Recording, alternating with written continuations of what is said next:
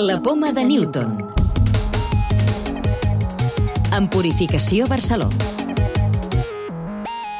Una substància present en molts aliments incrementa el risc de patir depressió. És el resultat de la recerca que us destaquem aquesta setmana. També parlarem de l'edat a la qual comencen la majoria de trastorns mentals i descobrirem un nou medicament per tractar l'artrosi.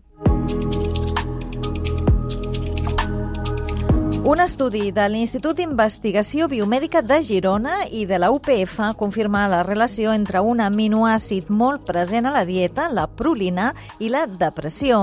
Com que es troba a les proteïnes, és present en molts aliments, però el que han descobert és que la relació amb la depressió es produeix si la prolina s'acumula a la sang i el microbioma seria el factor decisiu en aquest procés. Jordi Maineris Perxacs és un dels responsables de la recerca. Que és realment important són els nivells en sang. Gent que consumia molta prolina però tenia nivells baixos en sang tenia menys depressió que gent que consumia poca prolina però llavors tenia nivells, nivells elevats en sang. Per tant, els nivells plasmàtics és el que és, és, el que és important i el que s'associa més, més a depressió. El fet de que puguis consumir prolina però llavors tenir nivells alts o baixos de prolina en plasma depenia de la microbiota. Vam veure que el, els pacients que tenien una microbiota que estava com especialitzada en metabolitzar aquesta prolina, encara que consumissin molta prolina, llavors tenien nivells plasmàtics més baixos i tenien menys depressió que aquells que consumien molta, molta prolina i tenien nivells plasmàtics més alts. El que era interessant és que vam veure que la microbiota d'aquests pacients amb índexs de depressió elevats induïa una major expressió del transportador de prolina en el cervell dels ratolins. Els resultats confirmats en pacients ratolins i mosques obren la porta a utilitzar la prolina per prevenir o tractar la depressió de forma efectiva i sense efectes adversos.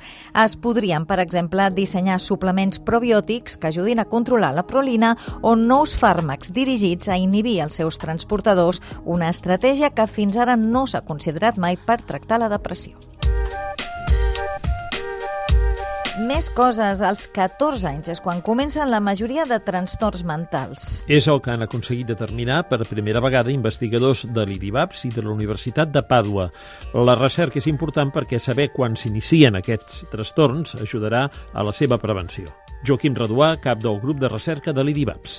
Vam aconseguir una mostra de més de 700.000 pacients dels cinc continents del món. Un resultat de l'estudi és que l'edat en la qual comencen més trastorns mentals és al voltant dels 14 anys, una època en la que el cervell està experimentant grans canvis maduratius. Un nou fàrmac millora els símptomes de l'artrosi i també redueix el risc de malalties cardiovasculars associades. Ho explica Josep Vergés, president de la Fundació Internacional de Pacients amb Artrosi, l'OAFI. Condotinsulfat, que és un fàrmac aprovat, s'ha vist en un estudi que han fet amb l'Agència Espanyola del Medicament, que el condotinsulfat redueix a l'infart un 40%. Eh? O sigui que la gent que té artrosis i prenguin aquest medicament no solament els vigilant, sinó que pot evitar l'infart. Revelats per primera vegada els canvis en la diversitat del microbioma oral al llarg de la vida, és a dir, dels microorganismes presents a la boca. L'equip científic del projecte Treu la llengua ha publicat el primer estudi mundial sobre aquesta qüestió, fet amb més de 1.500 persones d'entre 7 i 85 anys de tot l'Estat. La recerca d'investigadors del Centre de Regulació Genòmica proporciona un diccionari de la nostra microbiota oral que ajudarà a interpretar la seva relació amb molts aspectes de la salut. Llibres de ciència. Aquesta setmana us proposem una obra que recull la història de la nostra relació amb els virus i com han afectat la nostra evolució com a espècie. Es tracta de Viral, del científic Juan Fuello, un referent mundial en virologia.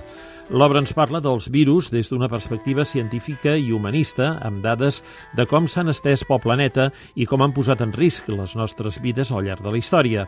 Descobrirem, per exemple, la relació entre alguns virus i el càncer, o com aquests petits organismes es poden convertir en una arma o poden provocar una pandèmia. L'obra ens ofereix molta informació, tant des del camp de la biologia com de la medicina, però també inclou referències d'altres disciplines com la física, l'astronomia o fins i tot l'art i la literatura. I finalment també fa una mirada més enllà i planteja els principals reptes que els virus poden suposar per a la humanitat en el futur. La clau de volta. Per què es produeix la diabetis tipus 1? Lorenzo Pasquali, investigador del grup de recerca de regulació genòmica del sistema endocrí de la UPF. Enfermedad en la que el sistema inmunitario destruye las células del páncreas que producen la insulina. Es consecuencia de una predisposición genética y de factores ambientales, pero los mecanismos moleculares están todavía desconocidos. La predisposición genética llega de unas 90 regiones en el genoma en las que se encuentran variaciones del código genético que se asocian a un mayor riesgo de desarrollar diabetes.